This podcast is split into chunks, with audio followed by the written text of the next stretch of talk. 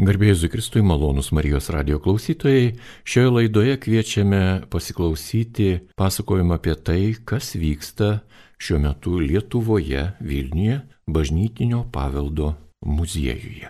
Ir į studiją apie parodas vykstančias Vilniuje šiandien sutiko papasakoti Vaiva Vasiliauskaitė, kuri ir yra bažnytinio paveldo muziejaus rinkinių kuratorė.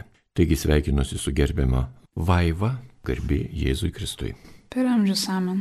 Gerbiama Vaiva, nuo ko reikėtų pradėti pasakoti apie šią parodą? Na, galbūt pirmiausia, tai reikėtų pradėti nuo pačios savokos - korpisanti. Italų kalboje korpisanti reiškia šventieji kūnai, kas mūsų aptariamame kontekste referuoja į šventųjų palaikus, kurie dėl savo asmens šventumo yra įgyję ypatingą viso kūno relikvijų statusą. O pats reiškinys kaip toks, kaip jau jo paskutinį etapą, kaip jisai atrodo, galime išvysti mūsų parodoje, bet pats reiškinys prasideda nuo 1578 metų, kuomet Romoje kasinėjant netoli senojo Vija Salarija kelio plytinčius vynuogynus buvo atrasti iki tol, iki tol nežinioje glūdėję Romos katakombų plotai. Iš pradžių jordaniečių, netrukus ir Priscilės katakombos, o paskui jau tų naujų plotų vis daugėja ir daugėja. Tuo metu Romos katalikų bendruomeniai, visai visuomeniai tai buvo išskirtinės svarbos įvykis kadangi buvo iš karto daroma, daroma prielaida, mm, jog visi, kurie ilsisi tose katakombose, visi ten palaidoti žmonės, yra pirmo ketvirto amžiaus po Kristaus krikščionys. Būtent tais laikais, kuomet vyko aršus Romos imperatorių persiekimai, siekė sustabdyti krikščionybės plitimą paukoja gyvybės už tai, kad neatsižadėtų tikėjimo, už tai, kad jį liudytų ir jį išpažintų, ką beje nusako, liudyja ir pats žodis kankinys, graikų kalboje martyr, kas reikštų liudininkas. Pirmieji krikščionis buvo liudininkai savo veiksmais, darbais, žodžiais ir galiausiai paskutinėje auka liudyja tikėjimą ir sėkimą Kristumi. Tai būtent šie pirmieji krikščionybės kleidėjai, jų relikvijos XVI amžiaus visuomeniai turėjo didelę reikšmę, nes mes kalbam apie laikotarpį, kuomet bažnyčia susidūrė su dideliu iššūkiu, tai yra reformacija, kritikavusią įvairius na, katalikiškosios doktrinos aspektus, tarp jų, pavyzdžiui, ir šventųjų relikvijų gerbimą. Reformatai teigia, jog šventųjų relikvijų gerbimas šventajame rašte pagrindimo neturi ir kad savo pačią išaiškos formą iš esmės primena pagoniškas praktikas, stabmeldystės praktikas. Tad XVI amžiuje vykstant visuotiniam Tridento susirinkimui, katalikų bažnyčia apsvarstė ir šitą klausimą, ir reformatų mestus, e, mestus kaltinimus. Na ir įtvirtino, jog vis tik šventųjų relikvijos yra na, labai svarbu katalikybei, kadangi būtent per šventųjų kankinių pavyzdį ir per jų, per tai, ką jie palieka po savęs kaip savo gyvenimo liudijimą, kaip savo aukos liudijimą, vėlgi relikvija yra nuo latiniško žodžio relinkerė, palikti, Tai per tą šventųjų palikimą, šventumo palikimą, žmonėms reiškiasi daug malonių, tikintiesiems reiškiasi įvairios malonės, tiek melžiantis ir, ir, ir gerbint šventųjų relikvijas, na ir pats šventasis kaip asmuo gali melstį į Dievą prašydamas malonių, tiek ir paties šventojo gyvenimas tampa kontempliacijos objektu kuris vėliau skatina tikinčiuosius taip pat e, drąsiai ir tvirtai laikytis e, savo tikėjimo tiesų gyvenime. Tad e, tasai 1578 metų Romos katakombų atradimas, na, buvo labai gerai, labai prasmingai sutapo su Tridento susirinkimo numatytais relikvijų gerbimo aspektais, tikslais. Na ir tuomet iš tų katakombų iš, buvo pradėti egzumuoti, iškel, iškelti tie palaikai, kurie jau iš karto savaime turėjo šventųjų kankinių, nors jų tapatybė iš esmės buvo nežinoma, statusą. E, būtent šie iš, tų, iš katakombų iškelti kūnai tapo pirmaisiais korpisanti. Bet pirmajame mm, šio tipo viso kūno relikvijų plitimo etape, tai yra 16-17 amžiuje, šventieji katakombų, katakombų šventųjų kūnai buvo e, integralūs, sakykime taip, jog e, jie būdavo surandami pagal tam tikrus ženklus, e, atpažįstami, kai identifikuojami kaip šventųjų kankinių palaikai, tuomet iškeliami, jiems būdavo e, suteikiami krikščioniški vardai, dažnai referuojantis jau į egzistuojančią šventųjų vardų tradiciją, o kartais e, taip pat atsakantys į poreikius tos parapijos, į kurią relikvija bus siunčiama poreikius. Na tai iškeltas iš katakombų kūnas galėjo neturėti iš pradžių jokių a, identifikuotinų bruožų, kurie leistų nustatyti jo tapatybę, tačiau būdavo daroma prielaida kartais a, iš inicialų, kartais iš palmės šakelės kankinystės simbolio nupiešto šalia a, palaikų um, buvimo vietos ir, ir kitokių ženklų buvo daromas, um, daroma prielaida, jog tai yra būtent kankinio kūnas. Na ir tuomet, kai jau jiems būdavo suteikti vardai, jie būdavo siunčiami į vairias parapijas, kur paskui vykdavo iškilmingas kūnų įnešimas į bažnyčias, lydimas didžiulių ir tūkstančių žmonių kartais e, lankomų iškilmių, kol galiausiai būdavo išstatomas e, paguldytas besilsinčiojo poza, išpuoštas brangiais e, papuošalais, prabangiais drabužiais, išdabintas brangakmeniais ir tauriaisiais metalais, kūnas atsidurdavo altoriuose altoriuje ir tapdavo vėlgi konfesijo išpažinimu, liudijimu. Konfesijo būdavo vadinama visa altoriaus struktūra su šventojo kūno relikvija al, pačiam altoriaus centre, pačiai struktūrai, na jau bilojant tą tarsi tikėjimo išpažinimo, lygiai taip pat ir ir amžinojo gyvenimo pažadą, turint omeny, jog šventojo auka ir, ir tas ir jo kūno ir tas jo šventumo palikimas, jo, jo kūnas, per kurį Dievas toliau daro žmonijai malonės, tai yra tarsi pažadas, jog gyvenant, sekant Kristaus mokymu ir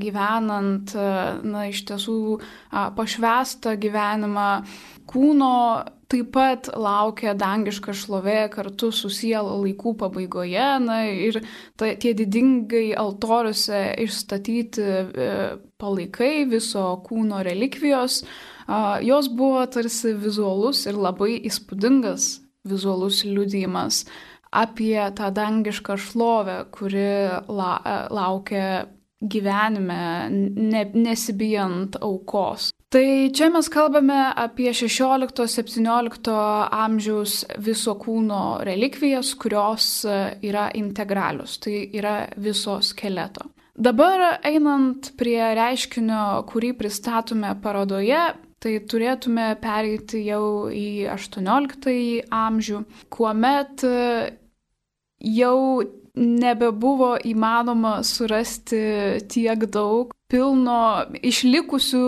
pilno kūno relikvijų Romos katakombose.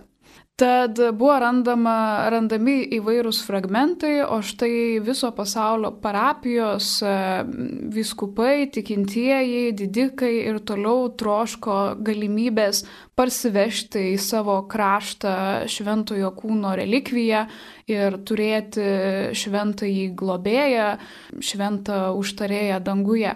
Tad e, buvo daryta taip. Mm, pradėjo veikti Romoje specializuotos dirbtuvės, kuriuose surinkus iš katakombų palaikų fragmentus, įvairias skeleto dalis, e, šie būdavo įkomponuojami, inkorporuojami į žmogaus kūną vaizduojančią skulptūrą. Kartais toji skulptūra veikiau priminė lėlę, būdavo gaminama iš medžiagos, kemšama vata O jos karkase sutvirtintos viela dažniausiai atsidurdavo būtent tos e, katakombų palaikų relikvijos. E, galutinis e, rezultatas būdavo tam tikrą struktūrą ir ikonografiją atitinkančios relikvijos skulptūros. Būtent šie korpisanti, kuriuos turime šiandien ir muziejuje. Tai be to, jog savo esminė struktūra tai buvo štai skulptūriniai mm, relikvijorai, sakykime, kūną vaizduojantis relikvijorai su tomis relikvijomis viduje, tai jie dar pasižymėjo ir tokiais išoriniais bruožais, kad jeigu šventasis būdavo vyras, tai jis būdavo traktuojamas kaip Milės Kristi, Kristaus karys ir tuomet vaizduojamas kaip jaunas užmygęs Romos karys, vilkintis Romos kario drabužiais. Ir taip pat dažniausiai turintis kankinystės simbolį rankose, palmės šakelę arba kardą, kuris vėlgi refer... būt, turėjo dvigubą prasme, referuodamas tiek į šventojo kaip Kristaus kario statusą, tiek į jo kankinystę. Ir taip pat šį karį mm, vainikuodavo labai dažnai laurų vainikas, gėlių vainikas, kaip triumfo prieš mirtį, prieš kūno nuodėmingumą, įdingumą ženklas.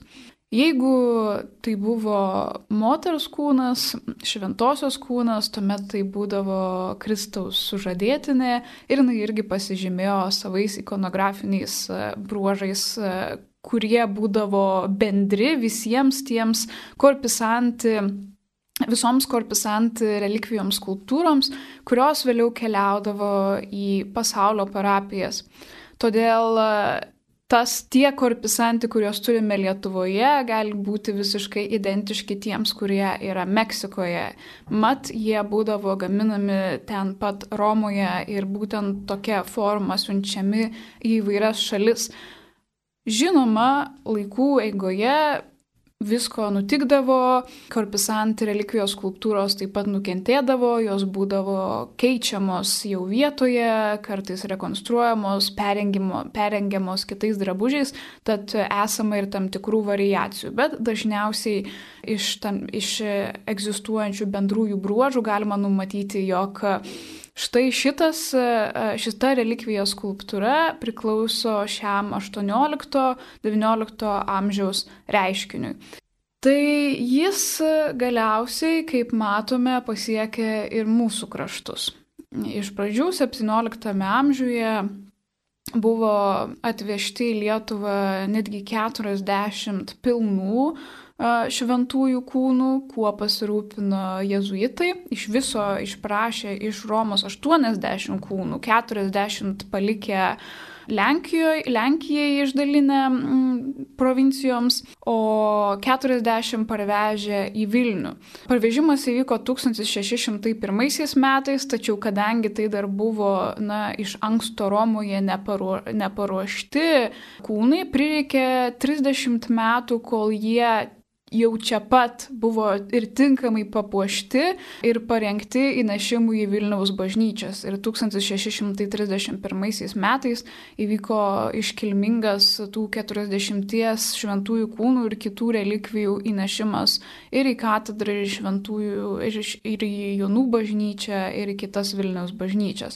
Šventuosius kūnus į Lietuvą gabendavo, na, kaip jau minėtasis pavyzdys rodo tiek e, bažnyčios veikėjai, vienuoliai, viskupai, kunigai, tiek ir kilmingiai įvairios aristokratų šeimos, kurios taip pat galėjo iš popiežiaus išsirūpinti šventųjų kūnų ir parsivežti juos ar tai į savo valdomų žemių bažnyčias, ar tai netgi į, į savo giminės koplyčias kaip, kaip šventuosius globėjus. Na ir pirmasis toksai kilmingasis, kuris atsigabeno į Lietuvą keturis šventuosius kūnus, tai buvo Mikalojus Sapiega, irgi 17 amžiuje atsigabenęs į savo giminės valdas, į sapiegų giminės valdas keturis šventuosius kūnus iš Romos. Na, o Vėliau jau šventieji kūnai buvo pradėti gabenti šitą korpisanti relikvijų skulptūrų formą. Ir 18 amžiuje rašytiniai šaltiniai liudyja, jog būta ne vienas atvejis, kuomet vėlgi ar tai kilmingųjų, ar tai bažnyčios atstovų iniciatyva yra, buvo į Lietuvą atgabenti būtent jie Romoje jau paruošti kaip skulptūriškai apipavydalinti šventieji kūnai. Ir būtent du iš jų, du kurie, vieninteliai, kurie yra išlikę, nes apie kitus turime rašytinių duomenų, kurie jų buvimą liūdė ir netgi fotografijų. Bet vieninteliai iš tikrųjų fiziškai išlikę laiko istorijos iššūkius e, išgyvena šventieji kūnai, korpisantai yra Šventojo Florijono iš e, Buivydžių Švento Florijono koplyčios ir Šventojo Bonifaco iš Valkininkų Loreto koplyčios šventieji kūnai, kurie šiandien yra mūsų restauratorių dar ir atstatyti į, į tinkamą mm, būklę, nes laikas jau buvo juos gerokai pagraužęs ir, na, su derama pagarba taip pat ištirti, ištirti savo, kas liečia jų struktūrą, sandarą, pa, pagaminimo metodus. Tai šiek tiek apie jų atgabenimų istoriją, kas buvo tie, kurie juos čia atgabeno, kaip jie čia atsidūrė ir kodėl. Šventai Bonifacą į Valkininkų pranciškonų bažnyčios e, Loreto koplyčią 1766 metais atsigabeno pranciškonų provincijos provinciolas Antanas Bonaventūra Bujalskis. Nuo to laiko relikvijos buvo saugotos specialioje, na, ypatingoje vietoje, tai yra Loreto koplyčioje, kuri pati turi relikvijos statusą, dėl to, jog yra traktuojama, jog loretai tai yra mergelės Marijos nameliai, turintys tokį patį realumo statusą kaip ir tikrieji mergelės Marijos namai Nazarete, kuriuose jai apsireiškė arkangelas Gabrielius su gerąją naujieną. Pasak 13 amžiaus legendos, Vėliau Loreto namelis iš krikščionybės atsisakiusio Nazareto buvo perneštas į Loreto miestelį Italijoje ir nuo to laiko tas Loretas, tarsi angelų pernešamas, pradėjo plisti po visą pasaulį. Ir taip pat buvo ne tik statomos koplytėlės, bet ir nameliai tokie mažutėliai, kuriuose Marijos skulptūros būdavo patalpinamos. Tai šios ypatingos vietos, e, kaip Loreto nameliai, kaip koplyčios, labai tiko laikyti relikvijoms. Ir būtent e, šioje, šioje relikvinio Loreto namelio aplinkoje buvo ir Šventojo Bonifaco relikvija skulptūra. Iki 20 amžiaus karų ir neramumų, nes, kaip žinia, antro pasaulinio karo metu pranciškonų vienuolynas valkininkose ir jam priklausanti bažnyčia buvo susprogdinta ir tuomet ten saugotos vertybės, na, kurios dar buvo spėtos išsaugoti, tos e, buvo išsaugotos e, ir, ir, ir dabar e, dalis jų yra Šventosios mergelės apreiškimo bažnyčioje arba dalis jų yra taip pat saugomos mūsų muziejuje, bažnytinio pavaldo muziejuje.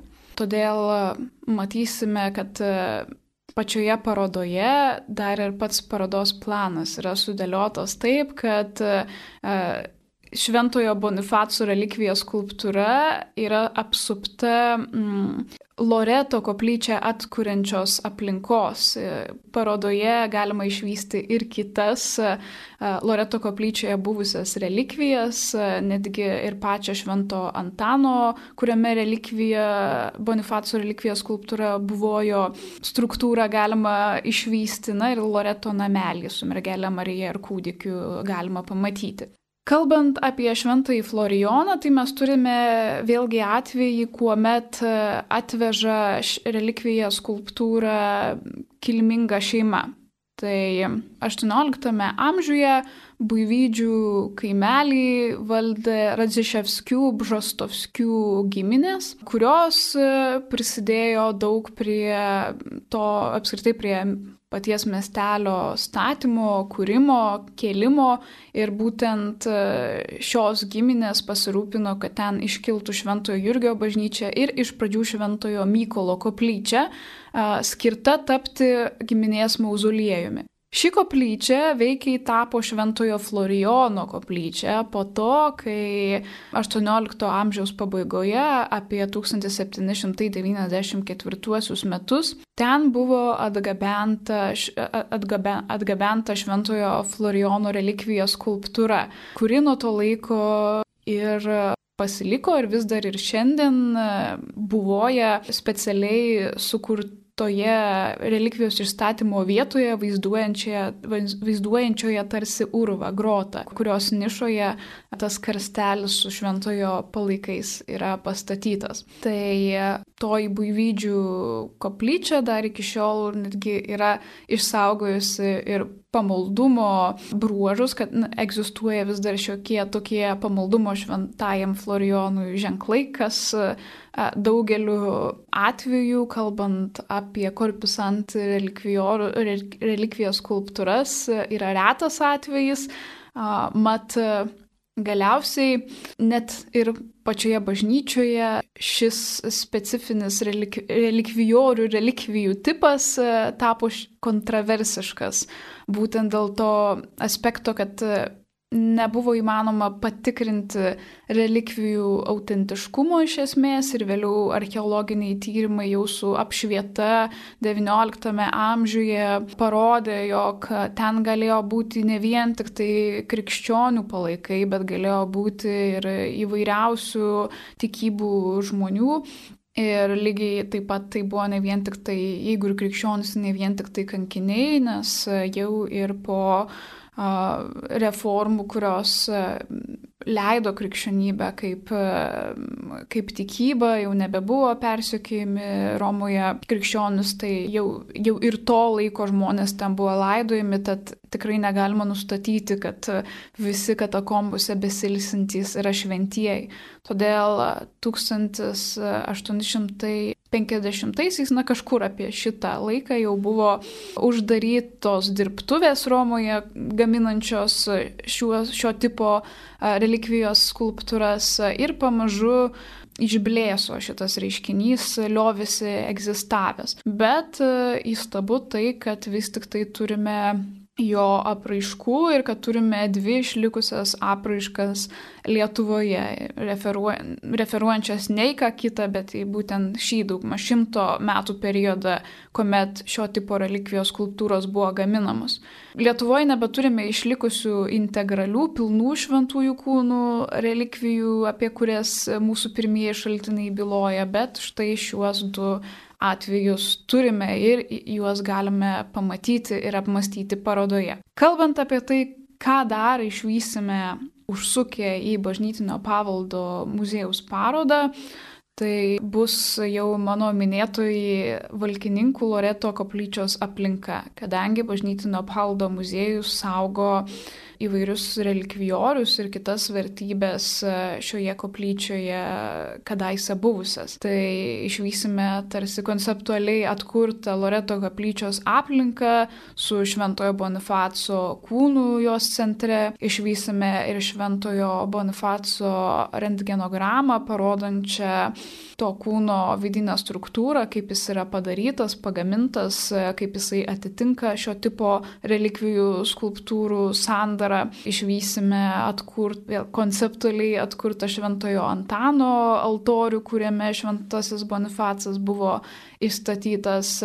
Rasime tekstus, kurie pristatys šiek tiek šventųjų kūnų ikonografiją, kuo jie vizualiai išsiskiria, kuo jie yra ypatingi, kaip, kas juos tarpusavyje sieja ir kas juos skiria nuo tarkime, viso kūno neskulptūrinių relikvijų išvysime ir rašytinius, šal, ar, rašytinių šaltinių ar iliustracijų, kurios e, vėlgi iliustruoja šių atvejų buvimą Lietuvoje. Be abejo, pamatysime ir šventąjį Florijoną jam skirtoje erdvėje, kur bus pristatyta šiek tiek pati Buivydžių švento Florijono koplyčios aplinka, išvysime švento Florijono rentgenogramą, o taip pat ir relikvinę taurę, kurią 1925 metais gavo buivydžiai dovanų iš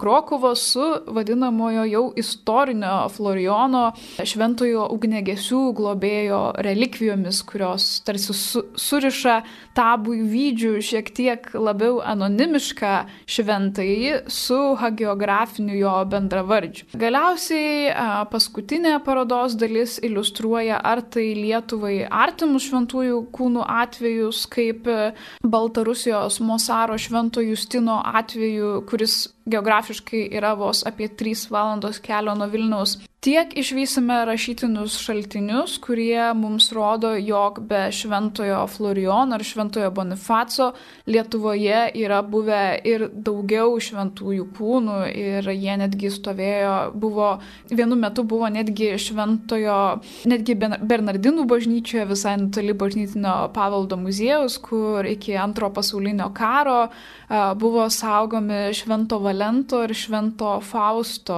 kurpisant relikvijos skulptūros. Vėliau jos dėje suirutėms siaučiant pradingo.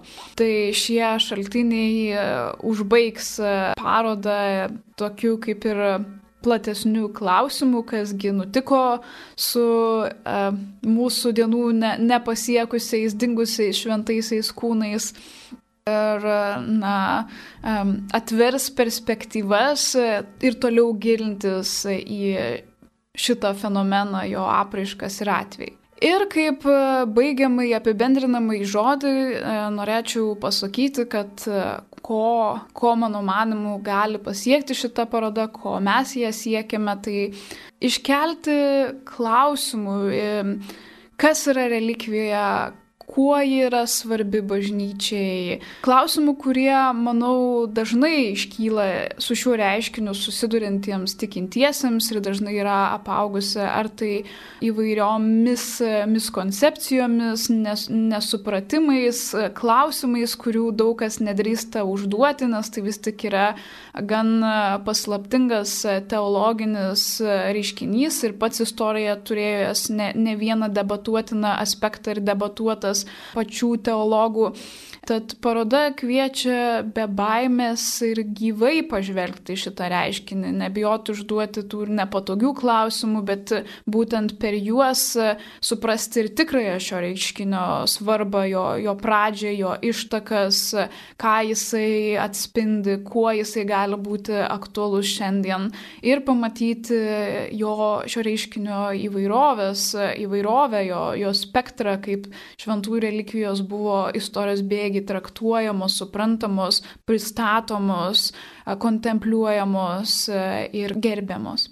Tai tokia būtų mano baigiamoji, mano baigiamasis pastebėjimas toksai būtų apie šitą parodą ir mano pačios noras, palinkėjimas, tai yra ateiti su klausimais, leisti, leisti šiek tiek ir nuostabos elementui suveikti ir, ir, ir, ir kontempliaciniam momentui atsirasti, šiek apmastyti, kas yra relikvija, iš kur jį kyla ir kaip mes ją suprantame šiandien. Ir laidos pabaigai, kiek ilgai veiks ši paroda? Taip, tai šita paroda turėtų veikti iki vasario mėnesio. Ir ją turbūt galima pamatyti kasdien, išskyrus sekmadienį. Taip, e, išskyrus pirmadienį. Mes e, sekmadienį ir pirmadienį. Muziejus e, veikia nuo antradienio iki šeštadienio. Ačiū Jums, mėly radio klausytojai, šiandien Jums apie korpizantį. Tai yra skulptūra, kuri simbolizuoja šventąjį ir yra šventojo skulptūra. Pasakojo bei parodą pristatė Bažnytinio paveldo muziejaus rinkinių kuratorė Vaiva Vasiliauskaitė. Likite ir toliau su Marijos radiju.